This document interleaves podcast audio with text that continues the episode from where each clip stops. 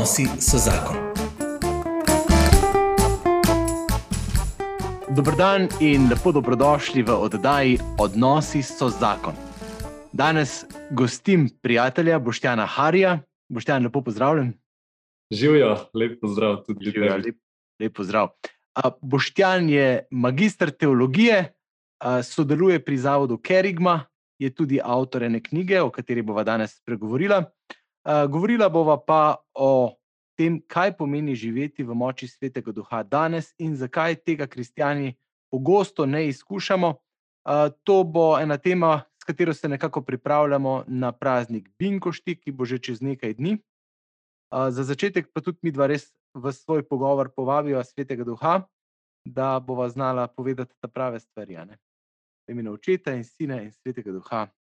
Amen. Amen. Vsemogočni Bog, stvarnik, oče in, in sveti. Pridi v ta pogovor s svojo močjo, s svojo milostjo in naj jo napolni, da bova znala povedati prave stvari, da bova znala povabiti v življenje v občestvu s teboj, in da bodo vsi, ki poslušajo ta pogovor in naj ogledajo, znali to spraviti tudi v praksi v svoje življenje. Pod to prosiva po Kristusu, našem Gospodu. Amen. Slava Očetu in Sinu in Svetemu Duhu. Kakor je bilo v začetku, tako zdaj in vselej in vekom. In Očeta in Sina in Svetega Duha. Amen. Amen.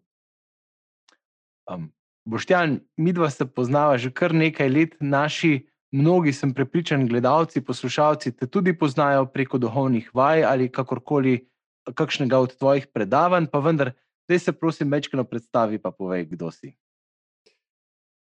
Ja, sem Boštjan Hari, teolog. Trenutno sodelujem v zavodu Kerigma, ki je zavod za spodbujanje krščanskih vrednot.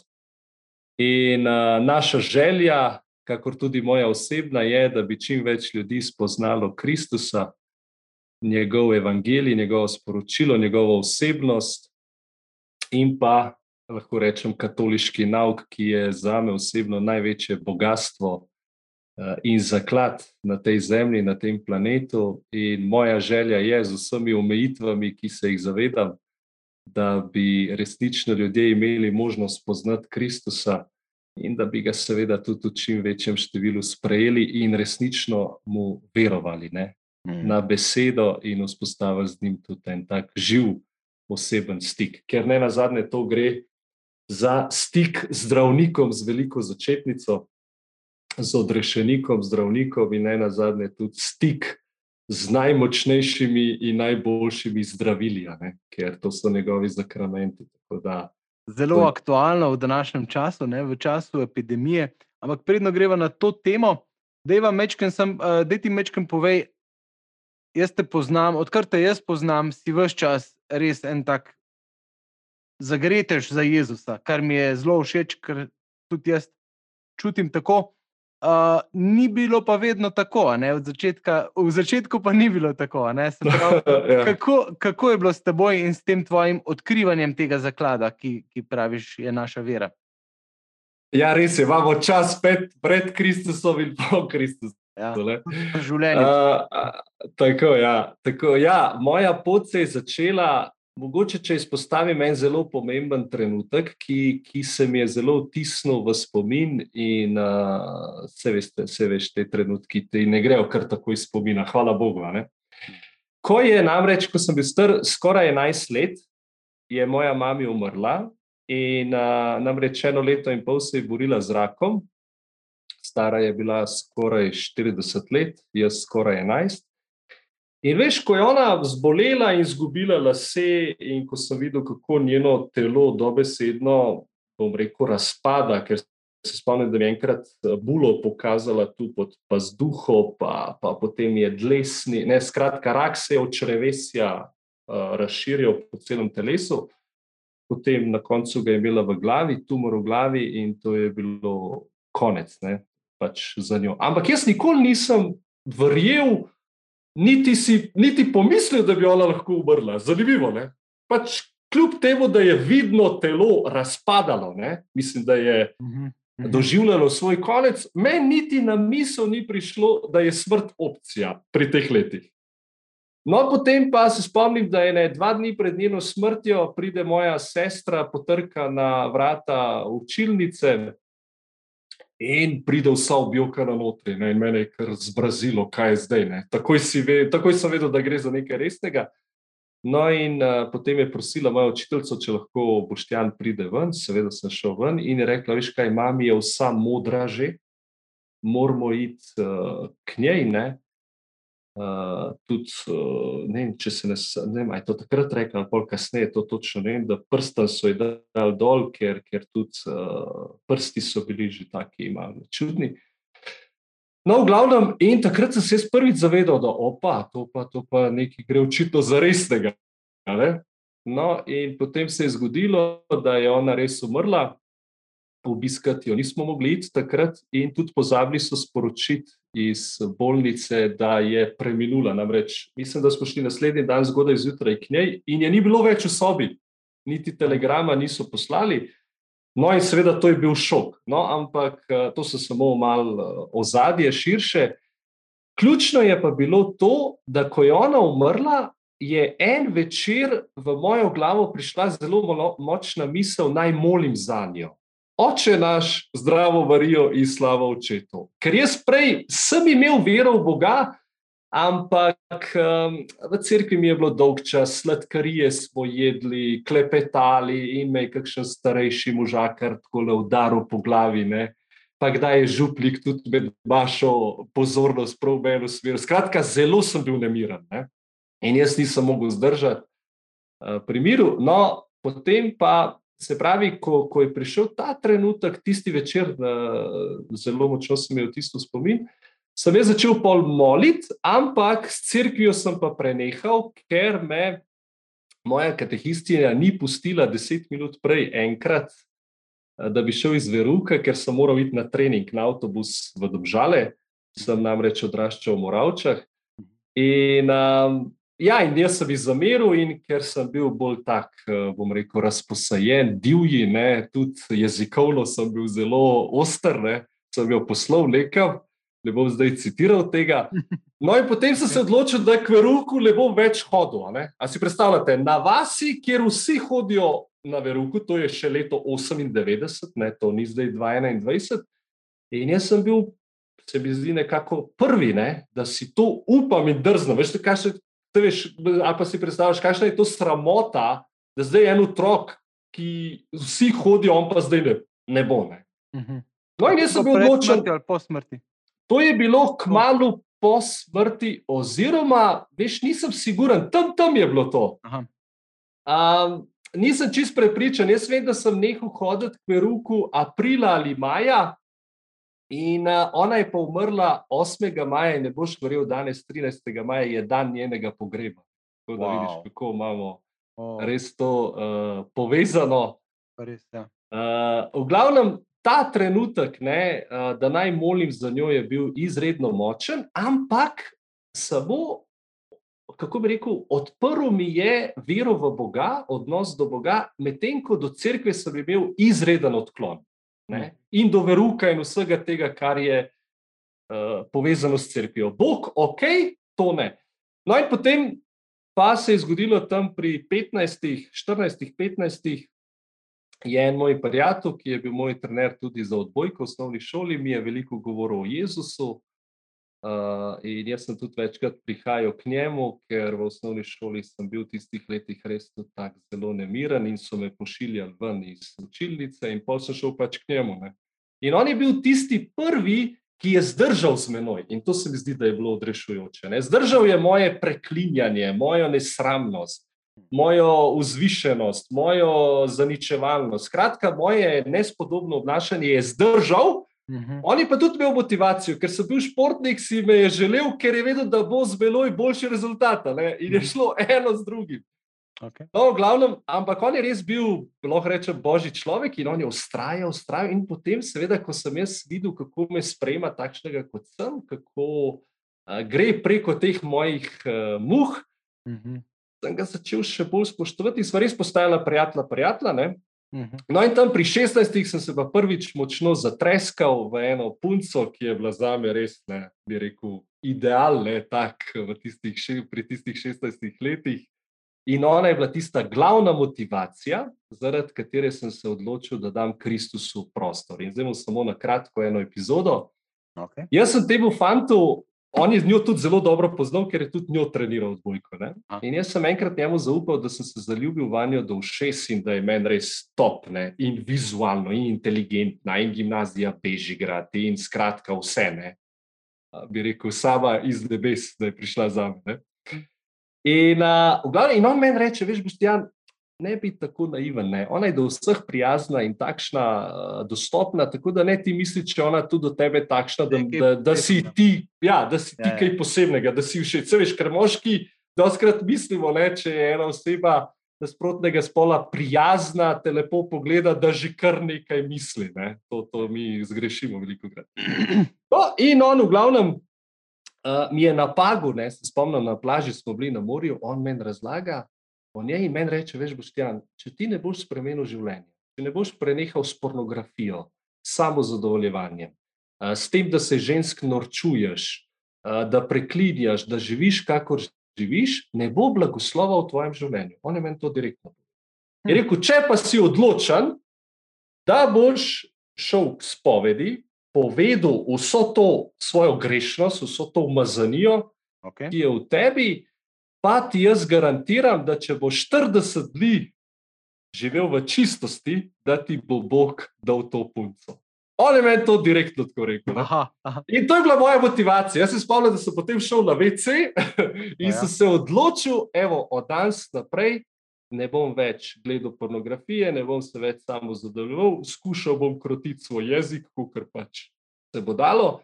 In ko pridem nazaj, grem k spovedi in začnem znova. Aha, pa še to mi je rekel, da ne vsak dan malo molim, naj bom uh, z Bogom povezan. In ne vem, koliko sem takrat molil, en, eno desetko, dve. Skratka, to ona je bila moja motivacija, ne? ljubezen, lahko rečemo. Ne? In to, to, to je potem bilo tisto, ki me je pripeljalo do študija teologije. Ja, in si zdržal, praviš, in, in je postala tvoja punca, ali kako je bilo zdaj to? Ja, hvala Bogu. Veš, kaj se je zgodilo? Uh, bil je le, le ravno 40. dan, ampak tam je 42, 43, zdaj točno se ne spomnim. Prišlo Ja. je na nedeljo. In kaj se je zgodilo? Jaz sem predtem, kakšen teden prej, njej izpovedal čustva svoja prek Mesiča, nisem imel poguma, da ji povem v obraz. Okay. In ona je mene zavrnila. Je rekla, da veš, s tabo ne bi bila nič več kot prijateljica, uh, in da je zdaj nerodno prihajati na igrišče, ker vidva sva igrala odbojko dvojke, ne mešane pare, Aha. v mešanem paru. In um, ja, je bilo meni težko, ne, a veš, ampak to je bilo zdravilo za moj napuh. Ne. Jaz sem mislil, da bom s svojim šarmom in ne vem, s čim, kar vse usvojil. Ne. In ona me je pa postavila na realna tla. In ko sem jaz temu svojemu kolegu to povedal, je rekel: Boš ti liši 40 dni, ne? čakaj. No, v glavnem, in potem pride ta 42. ali 43. dan, uh, nedelja je bila, pri ona je tudi k Maši hodila in veš, kaj se je Benjamin zgodila. Evo, to je bil pa za me trenutek, za, kjer sem spoznal Boga, njegovo bližino, njegovo dobroto, njegovo ljubezen in kako mi želi dobro. Namreč pri nas v Farni cerkvi je tako, da prihajajo k obhajilju ljudje v zadnjem delu cerkve, eh, z desne strani, z leve strani in pa po sredini dve, eh, dve vrsti. Ne? No, in jaz sem šel po desni strani, ona je pa prišla iz kora po sredini, in le moreš verjeti, ne? mi dva se približujemo obhajilu, in ona mene gleda z nevrjetnim krepenenjem. Meni ni Ja. bilo jasno, čak en teden nazaj si imela tak odnos. Ker, a veš tisto, ko vidiš, da, da si naklonjen nekomu, ne? Mhm. da, da, da hrepeni, da, in kar govori mi nekaj tam na pet metrov, ne? In se hihita in me gleda tako, bi rekel, pozitivno. No, in jaz sem sam gledal, ne? in moje srce je začelo igrati. In ne moreš verjeti, potem je vso tisto gužvo, mi dva, oba naenkrat prideva po ne. In potem bi se to je bil za me izjemen trenutek, in Bog mi je njo uporabil, da je se mi, lahko rečem, razkril, razodel, se mi približal, ne, da je v bistvu izpolnil to obljubo, ki jo je prijatelj mi zagotovil. No, in potem po Maši, ona mene vse čas gleda. Ne? Ni se približala naši družbi, ampak hodi in gleda proti meni, in se gledava. No, in potem mi mesič napiše po Maši, o ljubi, mi napiše, za samo gledanje. Če uh, ja, o ljubi, potem pa ali se kaj vidiva ne, uh, ta teden, da greva na pijačo, ker jaz sem pa živel med tednom v Ljubljani, ona je Aha. pa v šolo v Ljubljano hodila, ne, tako Aha. da jaz nisem bil v Moravčah med tednom. In jaz sem pa ta mesec šele v torek videl, ker sem pozabil v soboto zvečer telefon, ker smo imeli eno tekmo tam v glavnem in nisem dubov. In to je njo še bolj pomembno. Potem veš, da si star, ne? ker dan danes se ne bi zgodil, da bi ti telefon pozabil. ja, ja res, ja, ja, res. Okay. In to je, veš, kaj je bilo zanimivo, ne? da potem sem jaz to v nedeljo nisem, ved, nisem tega mesiča videl. Okay, jaz sem bolj. se obnašal točno tako, Bog je res scenarist, vsak gledaš. Ne? In veš, kako se je ona pa obnašala. Ona pride na igrišče. Ja, ja. Hoče biti skozi v moji družbi, da se pogovarjava. Me pa ni bilo jasno, ne? ker nisem SMS dobil. Okay. In očitno jo, je, očitno jo je ta moja hladnost, ne? ja, ja. na nek način zavrnitev, jo je še bolj pritegnila. Ja, ljudje tako delujemo. Ne? Ja, ženske pa sploh. Ja. Okay. Ja, in, in zanimivo, a veš, meni pa ni bilo jasno, čak, zakaj ona, ona je kar hotla, da jaz pač tam. Da se njej posvečam, da, da ne igram, in tako naprej. Uh -huh. Jaz sem bil uh -huh. tako vesel in sem pač tudi ne fante malo zanemarjal, sem se njej posvečal. No, in šele v torek sem potem videl in sem jih odpisal. Okay. No, skratka, to, to, to je bil tisti lahko rečem, središčni dogodek, ki me je močno, močno pritegnil k Kristusu. In od tistega trenutka jaz več nisem imel nobenega dvoma o njegovem obstoju, o njegovi navzočnosti, o njegovi dobroti in tako naprej. Hmm. Dejva vzeti tole za istočnico. Veš, kaj se mi zdi zelo veliko, recimo, gledaj, najlepše stvari, ki jih je Bog ustvaril, ljubezen. Ne? Se pravi, uh, ljubezen mladega fanta do lepe mlade punce ali pa kar koli. Se pravi, ljubezen do telesa. Ne? To veliko krat pravi Christopher West v teologiji telesa, ne? so ikone, ki kažejo na to višjo, neskončno božjo ljubezen. Ne? Mhm. In tebi je v bistvu Bog skozi eno tako primero, primer, ikono pokazal, da je še nekaj več, da on obstaja. A je tako? In tako je. Na ta način v bistvu problem pa nastane, in večina problemov današnjega sveta nastaja zato, ker mi vzamemo ikono kot končni cilj in tisto ikono začnemo slaviti, častiti. Tudi, recimo, če govorimo o človeškem telesu, ali pa če govorimo o ljubezni, ne, o spolnosti. To so najmočnejši drivi, najmočnejše stvari, ki človeka, človeštvo vlečejo in ki jih začnemo mi pol malikovati in jih začnemo častiti kot Boga, obenem pa spregledamo ta glavno zgodbo, ki se dogaja pa v ozadju. Tako je. Ja. V bistvu si lepo to povzel, kot lepo pravi uh, naš katekizem, ne?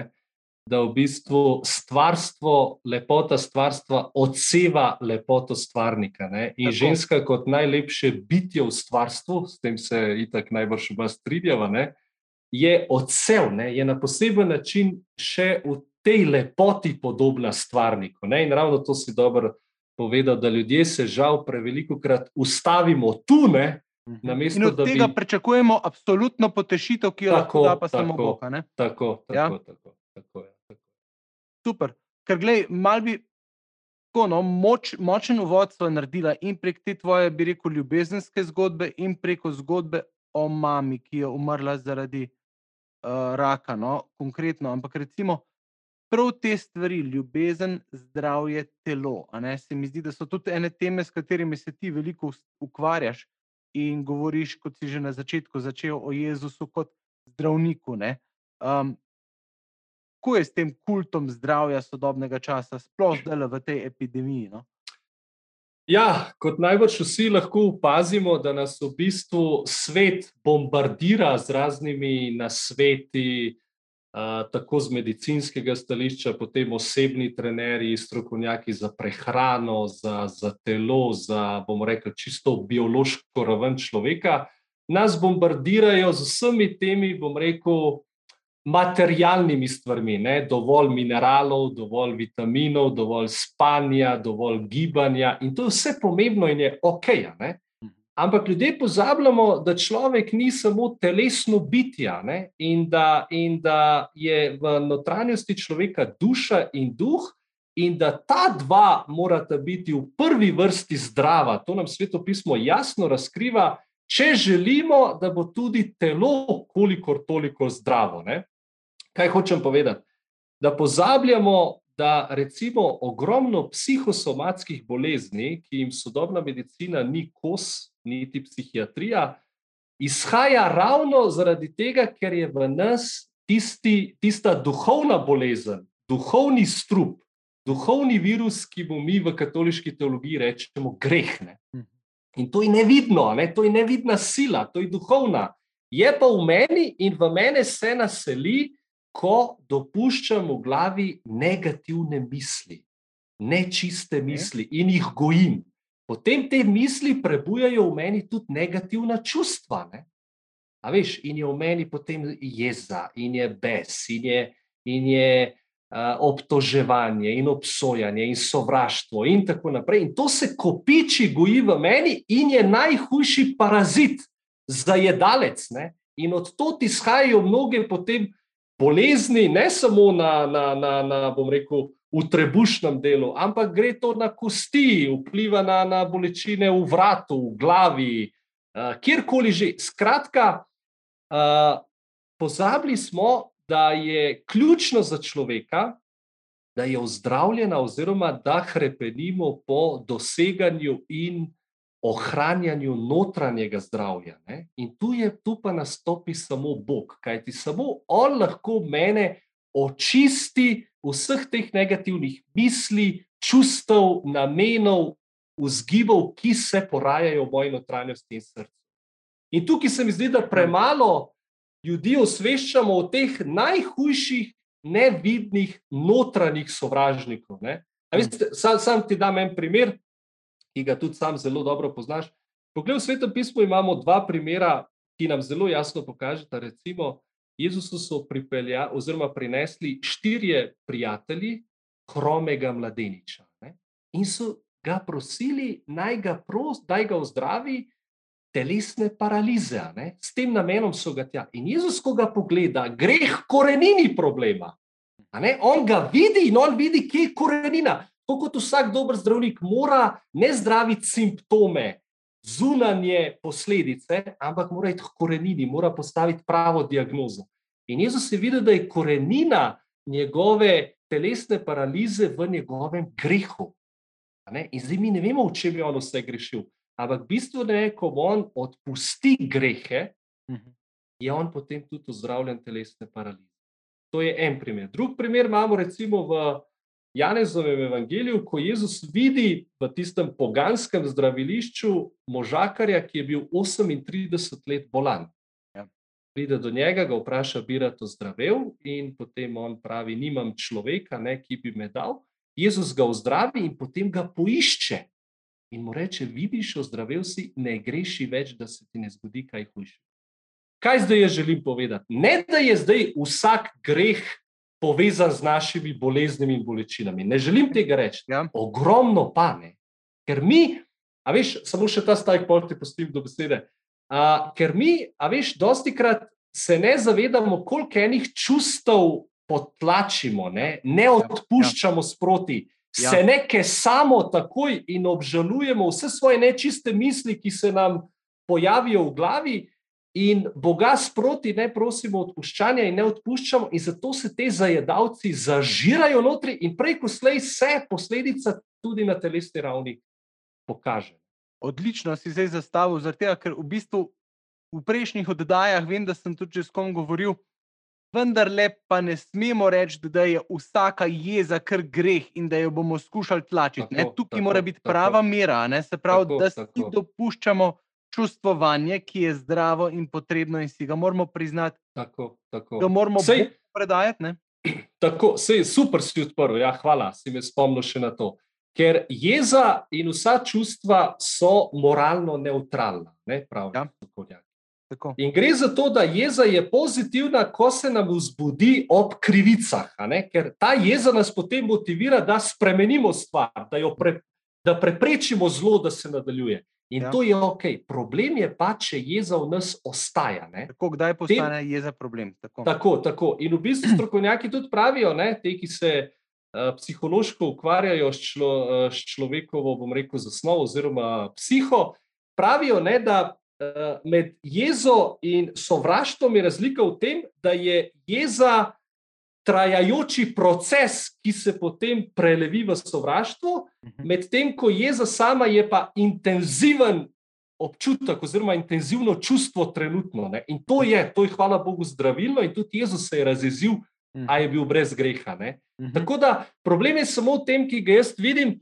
Ne razjeziti se, itak ni noben problem, ampak potem je treba s to jezo razpucati, treba, treba je se pomiriti, treba je odpustiti, Če želim biti v notranjem miru, ker če mi nismo v miru, se telo matra, ne? se muči in prej, ko se posledice pojavijo.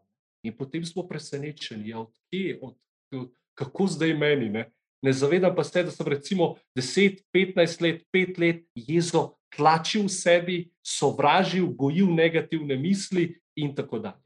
Hm. Okay. Prihajava na področje Se pravi, tako se mi zdi, všeč mi je pri tebi, ker dejansko znaš krščanstvo in krščanski nauk kot tak aplicirati v praktično življenje današnjega človeka. Ne?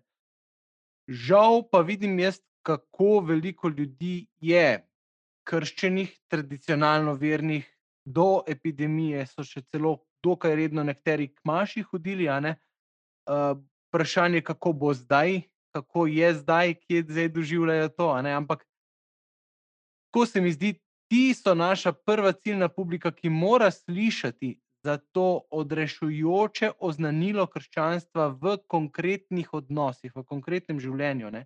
Mi rečemo, rabimo odrešenje, a ljudje v praksi iščejo odrešenje vse posod drugot. Ne? Veliko se ukvarjaš tudi z, z ostalimi duhovnostmi, pa ne bi šla pretirano v to zgodbo, ampak mečkam pa le opozoriva, kaj pomeni iskanje odrešitve, ali zdravstvene, ali kakšne druge odrešitve, drugot. No?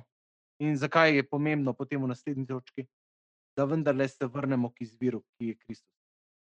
Ja, glej, danes, če si zasledil, recimo, mnogi zdravilci, takšni in drugačni, šarlatani, uh, nekonvencionalne oblike zdravljenja, se pravi, te, ki niso čisto priznane, ne strani konvencionalne temu rečemo uradne medicine, ne ponujajo človeku celostno zdravje. Mogoče si kdaj slišal za izraz holistično, ne? Ja, ja. tako, ja, holistično, celostno. Ne? In seveda, zdaj medicina se zaveda svoje omejenosti mhm. in človeka obravnava celostno, ampak kar je, njegovega, duh, kar je človekove duhovne ravni, pušča. Ne? Zato, recimo, ti, ko greš splošnemu zdravniku, njega ne zanima, katere veroizpovedi si ti. Katero, v katerega Boga veruješ, njega to ne zanima. On tebe obravnava čisto kot, da je reč temu po domače, stroj, ne? kako ja, ta organizem deluje in kje, ja. kje, je, kje, je, ja, kje je problem, ne išče. Zdaj, druga, druga stran, ne, se pravi, medicina doživlja svoje meje in ljudem se stvari ne popravijo, ne, in zato iščejo še drugot. In imamo mi celo poplavo teh raznih ponudnikov, tako imenovanega celostnega zdravja, ti pa seveda ponujajo tudi razne duhovnosti, ne, razne, ne vem, odpiranje čakr, povezovanje z energijami. S planetno energijo, bioenergijo, življensko energijo. Izrazi so pač različni, ki, či, prana, skupni imenovalec je pa isti. Namreč, da bi ta neka neosebna, za njih božanska energija prišla v človeka in mu vzpostavila neko ravnovesje, ga umirila, mu, mu prinesla zdravje, harmonijo in tako naprej. In zdaj problem je ključni v tem, da za kristjane in za to, kar nam je Bog zapustil, se pravi svoje razkritje, svoje razodetje, je samo Jezus Kristus, celosti zdravnik. Zakaj? Zato, ker samo Jezus Kristus lahko človeka ozdravi na duhovni ravni. Človek je duhovno bolan takrat, ko v sebi ima kakršno koli negativno stvar, ki jo, je, ki, ki jo je sprejel skozi negativno misel, negativna čustva, negativno dejanje ali opustitev večinoma tudi iz otroštva. Tako, tako. Se pravi, in če jaz hočem, da me da, da, da ozdravim na duhovni ravni, ki je, veš, duhovna raven, bi lahko rekli, to je kot temelji pri hiši, to je ključno. Če jaz ne skrbim za te temelje, da, da, da so oni zdravi, potem je nesmiselno, da popravljam stene, ne, ko se vlaga dviguje, ker se bo zopet ta vlaga pojavljala. Ne, in doskrat mi krpamo hišo, tako, ali, pa, ali pa stene, zidove, da ne vem, starijo med dol in novega gora, čez dve leti je spet isto. In kaj hočem povedati? Da Jezus je edini, ki nas lahko zdravi na duhovni, duševni in telesni ravni. Ne?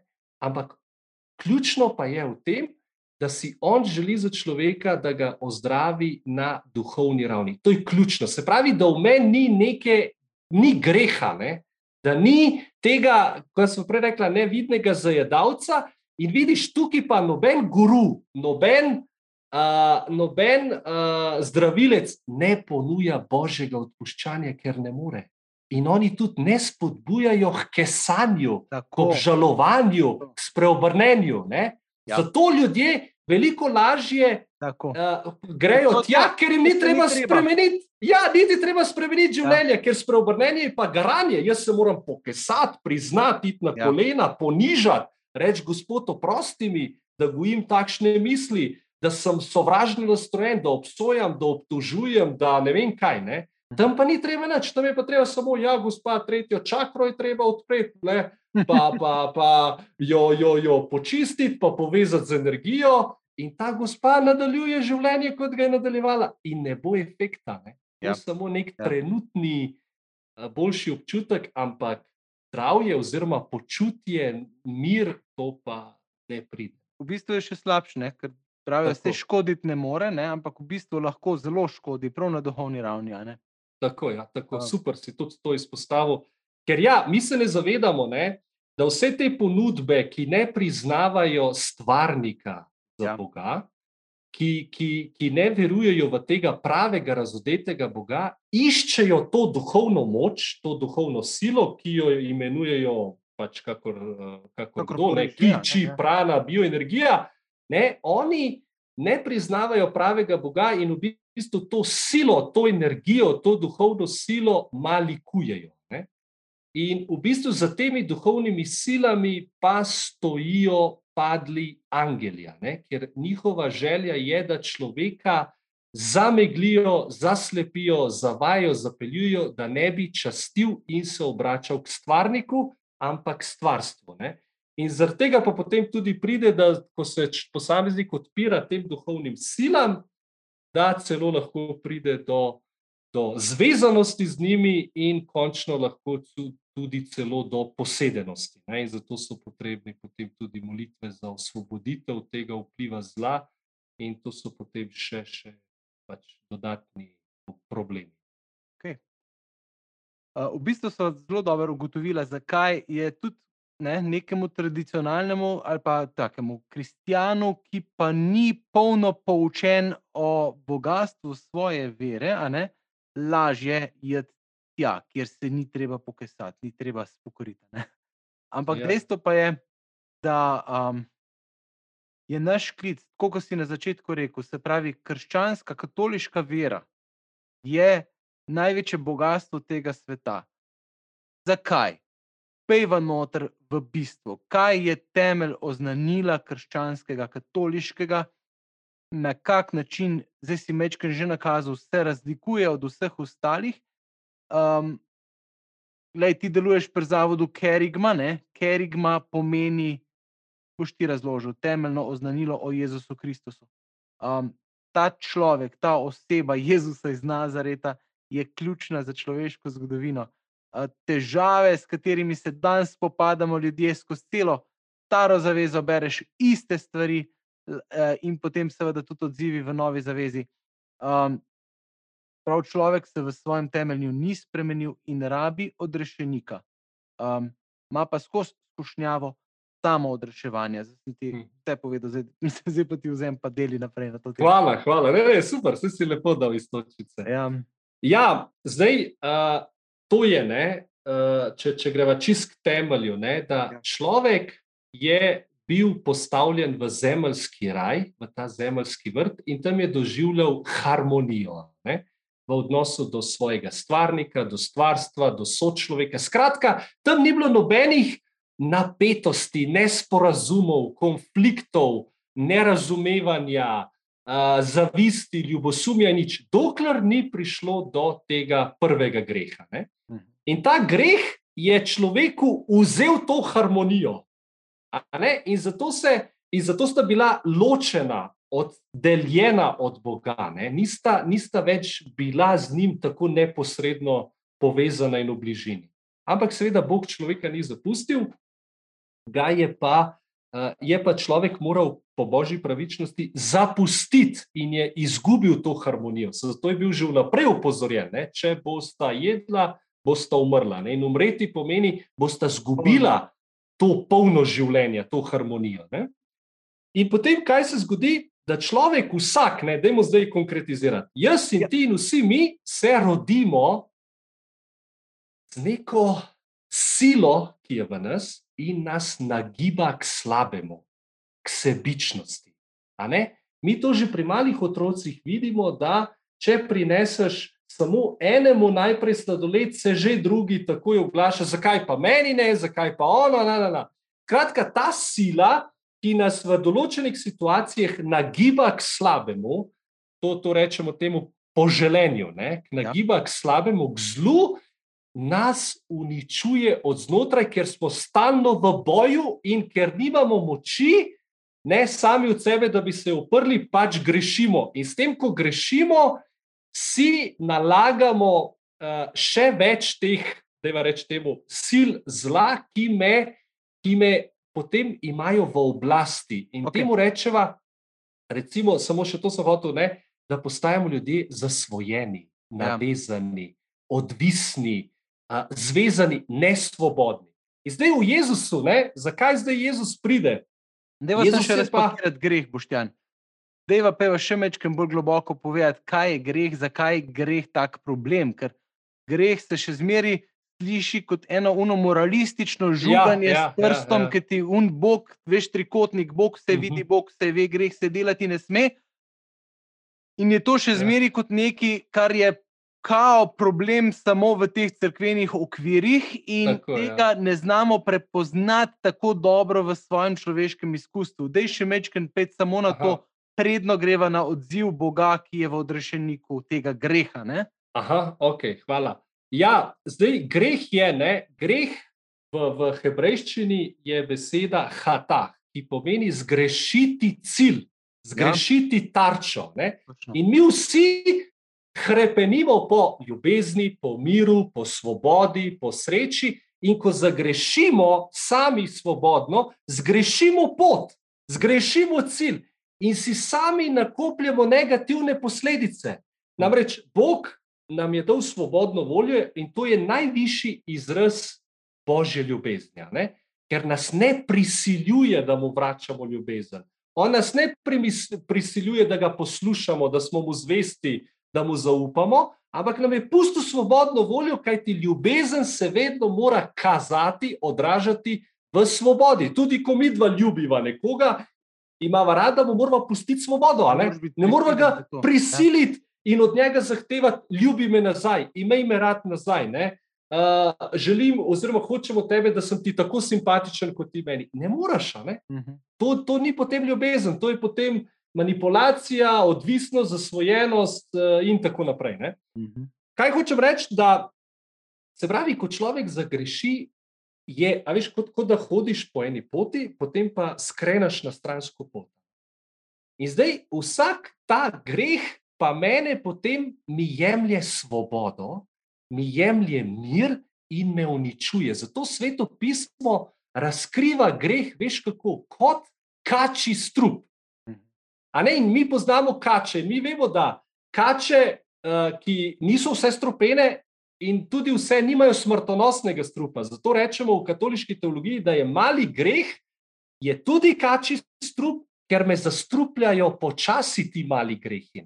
Pravi, to so grehi, ki jih naredimo iz nevednosti, iz neznanja, iz neke trenutne šibkosti, uh, razrvanosti, slabosti. Okay. Ne, to, to, je ta, to je ta mali strup. Ampak predstavljaj si, ne, več kot to delamo, če tudi iz neznanja, si teh malih strupov kupičimo v sebi. Se vedno bolj. Ja. Se vedno bolj oddaljujemo, in to nam škoduje tudi pri zdravju. Ne. To je največji problem, ker se ti zajedavci v našo notranjost zažrejo in nam jemljajo moč, svobodo, in, in, in nam škodujejo, v glavnem.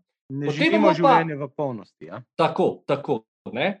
Uh, druge, bi lahko rekla tako, da več je v tebi nemir ti prinaša, strahove ti prinaša, krivdo ti prinaša, uh, potem uh, st, uh, kaj so že tele, ja, zaskrbljeno, skrbi, nemir. V glavnem, telo ni v miru, duša ni v miru in je, in je, in je v nemiru in kako bi rekel, muči se. In kadar se telo muči, se bodo posledice prej, ko slej pokazale. Potem je pa tisti večji greh, ne, ko pa človek uh, ve, da je nekaj zlega, da, je, da, je, uh, da to načrtuje, da si to zelo želi izgovoriti, uh, narediti, uh, skratka, v dejanji. Pa, ko je v tem ko to premišljeno, premišljeno naklepa in ko to stori, je pa smrtonosni greh, je pa kot svetopismo temu reče, levji ugriz. Ali pa ta smrtonosni kači strup, in takrat se človek totalno loči od Boga. Takrat se to, z malimi grehi se počasi ločujemo in, in oslabi naša, ta naša moč za delanje dobrega, in, se, in vse več smo nagnjeni in pogreznjeni v zlo, da delamo več zla, medtem ko tukaj pa en zid postavimo pred Bogom. In v našem srcu, v naši notranjosti, ni sreče, ni miru, ni polnosti življenja, ni svobode. In zdaj nam pa Bog prinaša ponudbo. Ne? Mhm. Pride Jezus, ga pošle in on mi ponuja spravo, on mi ponuja roko, In on je edini tisti, ki je brezmadežni, brezgrešni, edini pravični, mi ponuja božje odpuščanje. In to odpuščanje potem iz mene vse te strupe, ki sem si jih nabral, izčiščuje, izsesava ven in ozdravlja te rane, ki so mi grehi povzročili. In to je to, in, me, in mi potem, to je en vidik, se pravi, to je ta odpuščajoči del odrešenja. Potem drugi del je pa še, ki mi ga Bog po Jezusu daje, ne samo da mi odpušča in me da očiščuje, osvobaja od teh strupov, katerim sem se jim eh, odprl, svojimi grehi, ampak da mi daje tudi svetega duha, ja. ki je pa ta moč, da se jaz lahko zdaj počasi vse bolj borim proti tem slabim nagnjenjem. Tako da to je ta paket.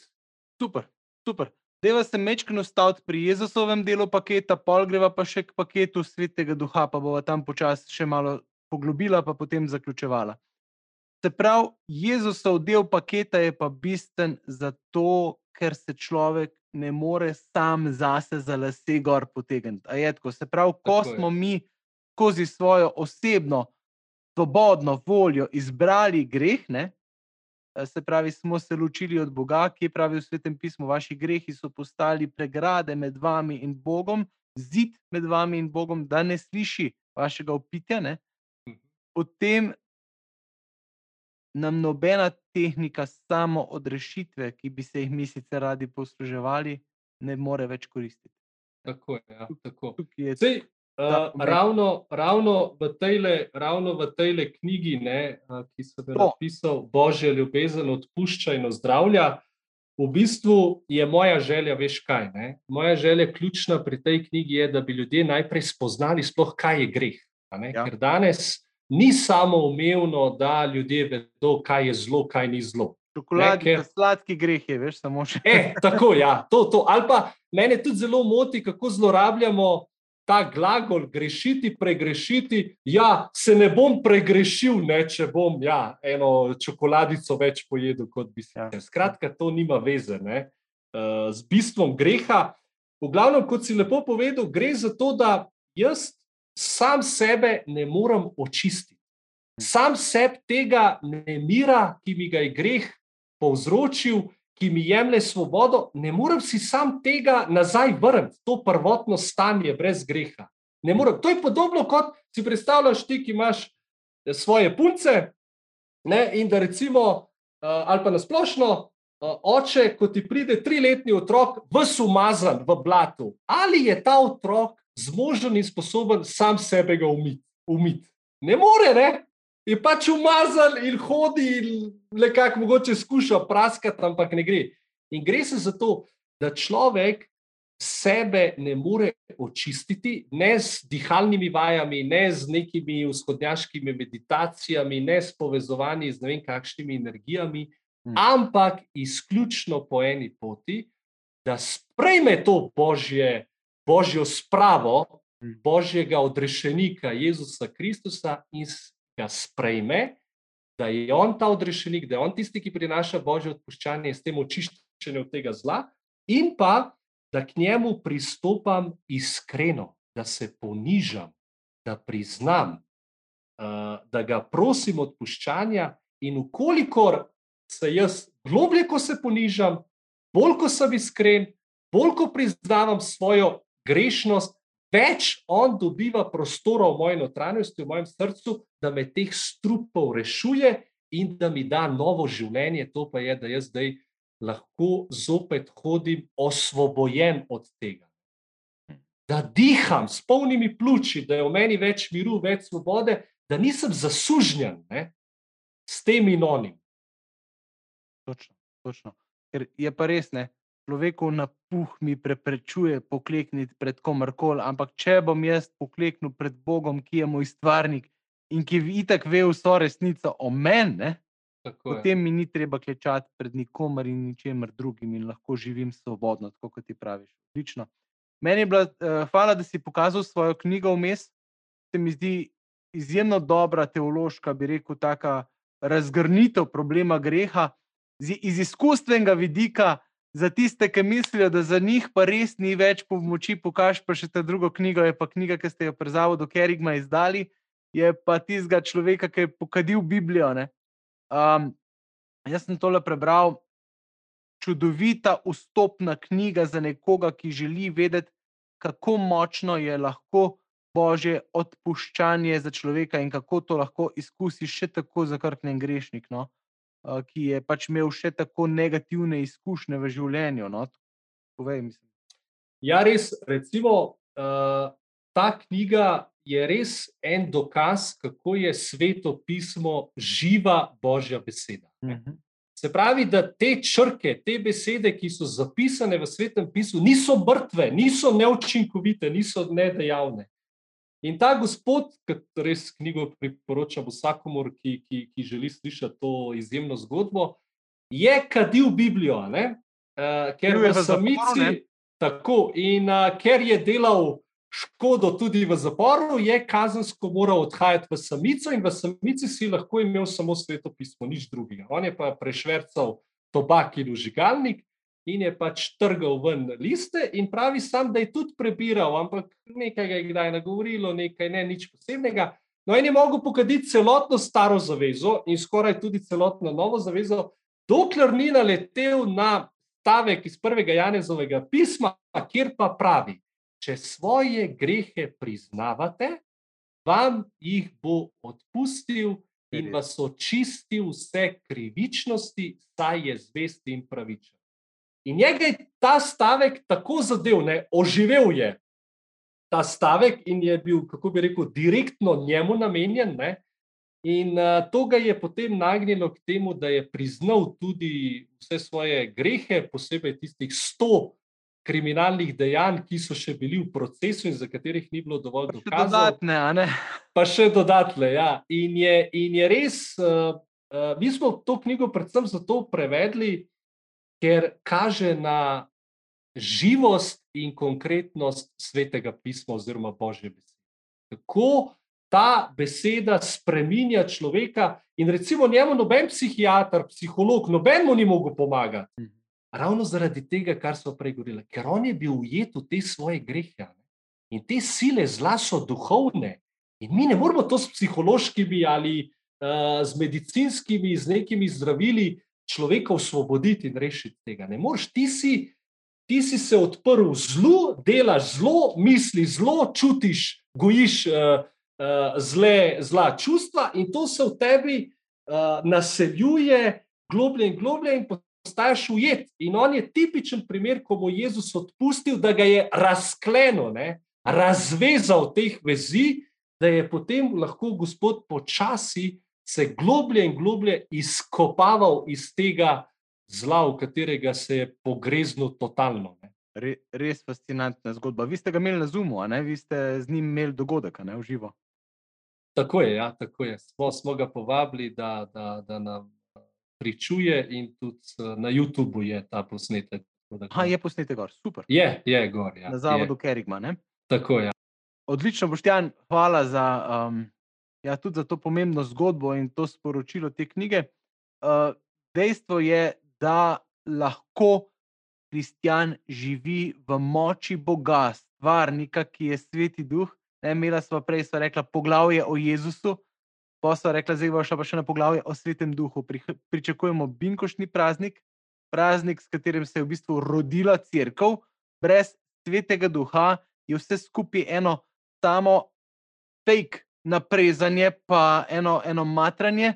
In žal, mnogo krat danes, ko rečemo krščanstvo, ljudje vidijo samo to v nas, eno fake naprezanje, eno matranje, eno neiskrenost, ker mi ne moremo živeti krščanskega življenja drugače, kot če nas tudi napolnjuje ta božji duh, ki ga prejmemo, če sprejmemo odrešenje v Kristusu.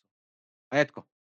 Res je, res je. Veš kaj, meni je zelo zanimivo, ker kdaj se pogovarjam z nevernimi ljudmi, ne, in, uh, ki pač razmišljajo, kako razmišljajo, in imajo, tako kot si lepo izpostavil, o krščanstvu neko svoje mnenje. Ne.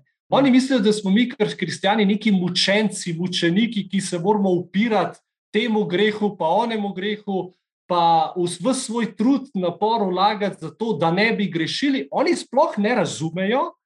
Da je bistvo krščanstva v tem, da Bog po eni strani me osvobaja od teh uh, sil zla, od te nagnjenosti k slabemu, globlje in globlje, po drugi strani mi pa daje moč, da se jaz lahko proti temu borim. In sploh ni takega naprezanja, ne? sploh se mi ni treba neki posebej. To ljudje ne razumejo, ker izhajajo iz svojega, Znotraj, od svojega izkustva. Ne?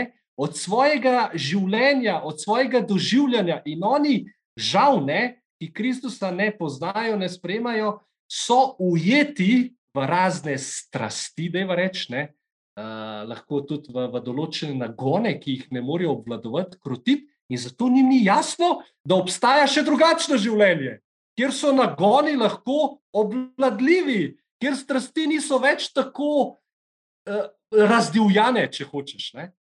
In oni tega ne razumejo.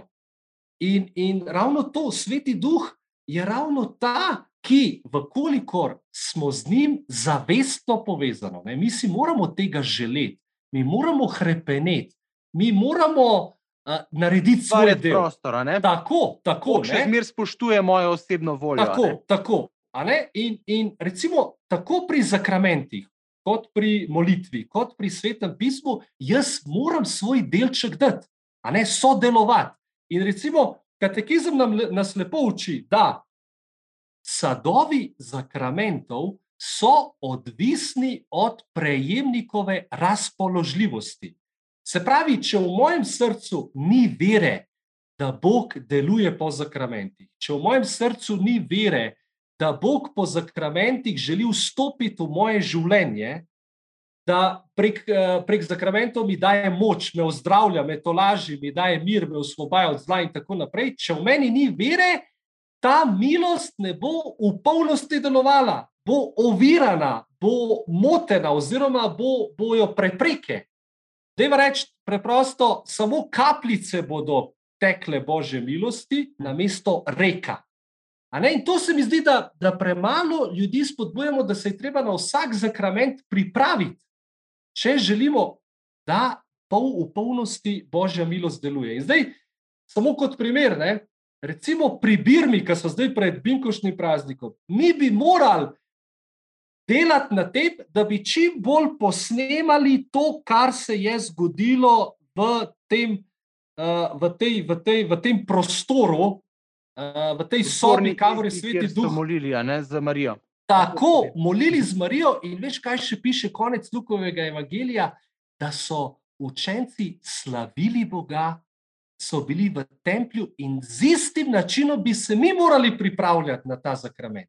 Se pravi, birmance vzgajati, da se Bogu zahvaljujejo za vse dobro, kar ga doživljajo v življenju, da, da izpovedujejo vero, da rečejo: Gospod Jezus, jaz verujem vate, jaz si te želim, pridi v moje srce, izli vame svojega svetega duha, svoje darove in jaz krepenim, jaz si želim. Izkusi tvojo bližino, tvojo ljubezen. A veš, to sodelovanje, premalo damo priprave, na to, da bi posamezniki se pripravljali na nek zakrament. Da bi doživeli izkustvo, ne samo da bi se naučili. Točno ja. tako. Ja. Veš, in potem se je zgodilo ne, na Binkošni praznik, da jih je sveti duh presenetil in jih je užgal in napolnil, in so postali drugi ljudje. Ja. In, in, in kaj se danes dogaja, kot oba vidiva pri nas, teologih, oznanjevalcih v prvi vrsti, ni tega poguma. Ogromno teologov, oznanjevalcev ne upa povedati resnice ljudem. Mhm. Ne govori, ker ni tega poguma, ni te vere. Ne, da resnica usvobaja in resnica prinaša rešitev. Ne, in smo taki mlačni in, in uh, politično korektni in ja. olepšujemo, in nismo konkretni. In ker nismo konkretni, Jezus po naših besedah ja. ne deluje, ker on deluje samo po, nek, po svojih besedah, ne po, po naših nekih idejah in izmišljotinah. No, in enako bi rad izpostavil tudi glede molitve. Lej, spet, ljudje se jih premalo učimo, in pa tudi sami se poglabljajo v veri. Katekizem nas lepo uči, da kristjan, ki redno ne premišljuje Kristusovih skrivnosti, se pravi Jezusovega evangelija, premišljati ga je treba, je podoben prvim trem tlom iz prilike vse. A vidiš, in to nam manjka. Zato mi tudi v našem zavodu eh, o, pač ponujamo tečaj spoznavanja Boga, in tam eden izmed korakov je prav učenje, premišljanje molitve. Mhm. Se pravi, da premišljujem, ker če mi ne premišljujemo, se vrtimo pri molitvi okrog sebe. In kaj se dogaja? Večina katoličanov, kristijanov, kako moli? Izgovarja oče naš, zdravo Marijo ali katero koli že drugo molitev, in istočasno razmišlja o svojih problemih, o svoji bolečini, o svoji bolezni, o človeku, za katerega moli. Ni Bog središče moje misli, ni središče mojega, mojega premišljanja. In vidiš, in zopet takšna molitev ni toliko učinkovita, kot bi bila sicer, ker Bog ve, kakšne probleme ima. Imam. On ve, kakšne bolečine in bolezni. On si želi, tako kot vsak človek, da ko sem z njim v odnosu, da je on središče moje pozornosti. Vidiš, in to je zopet en velik problem, ne, ki ga jaz pri nas, oznanjevalcih, vidim, da ljudem jih ne poučimo dovolj o tem bogatstvu, ki nam ga crkva daje. Crkva je namreč mati in učiteljica. Ne, in mati želi svojemu otroku najboljše možno, in tudi kot učiteljica mu daje najboljše možno, ker mu daje božji nauka. Ne. In tukaj mi ljudi prikrajšamo, tako da, da ne doživljajo pri zakramentih te božje, odrešenske, ozdravljajoče milosti, kakor tudi v molitvi, kakor tudi pri uh, branju božje besede, ki je pa spet en problem, ker se zanemarja ta del. Pri dižu pravimo, da minimalno eno stotinko dneva. Ne? Morš nameniti molitvi ali pa premišljanju, molitvenemu premišljanju Božje besede. Tako, ja. Mi pač uh, priporočamo kot uh, uporabo, bi rekel, ali besede med nami, ali pa kitajskega kot zraven urodja za premišljanje dnevnega odlomka. Ampak uh, všeč mi je, kako krat omeniš katekizem katoliške cerkve. Jaz moram priznati, da ga šele v zadnjih letih malo bolj tako spoznavam, pa berem pa tako in je noro, koliko enih stvari je noter na primeren način. Mislim, dobro, ajde, dobro, sem študiral teologijo, pa morda kakšne stvari bolje razumem ampak se imamo tudi kompendij katekizma katoliške crkve, imamo UKET, ki bi vsaj to zagrabili ljudi v roke in ja. rekli, da nekaj osnov želim spoznavati, želim se učiti. Um, Ker v bistvu, Zakaj ne spoznavamo, zakaj se ne učimo, ker nimamo izkustva, to, kar si rekel. Ne? to, ja, to, to si super izpostavil. Pa veš, kaj tudi vidim? Ne? Da ljudje ne razumejo, ali pa hkrati tudi ne vedo, da življenje z Bogom je boljše in kakovostnejše. Ja, Ja. Veš, ljudi je treba motivirati. Tako je meni, on, oni fant, uh, oni moj prijatelj, Ja. motiviral. Če jaz ne bi imel motivacije, nekaj koristi v tem, jaz se ne bi šel tega.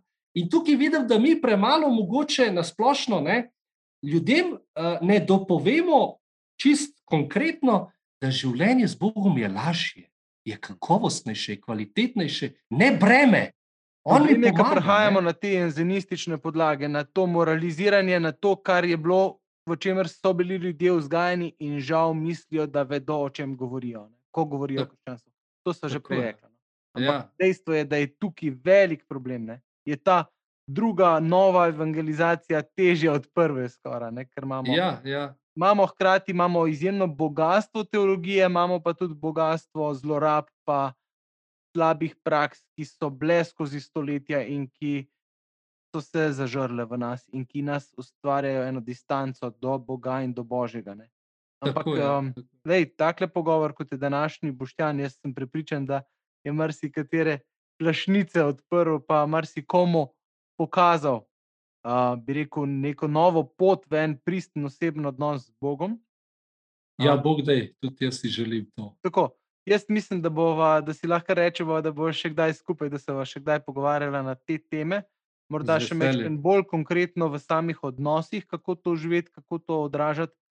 Uh, da se, a veš, da pridemo do te pristne zrelosti v Kristusu, ki je šele podlaga za gradnjo dobrih odnosov. Ne, tako, Tako je. to, ne. Tako je. Okej. Tako da jaz z veseljem, veš, da. Tudi tebi se zahvaljujem za povabilo in za taka konkretna vprašanja oziroma tematiko, tako da je res, eh, sem Bogu hvaležen za to priložnost. Ja, tudi jaz, tudi jaz, hvala Bogu.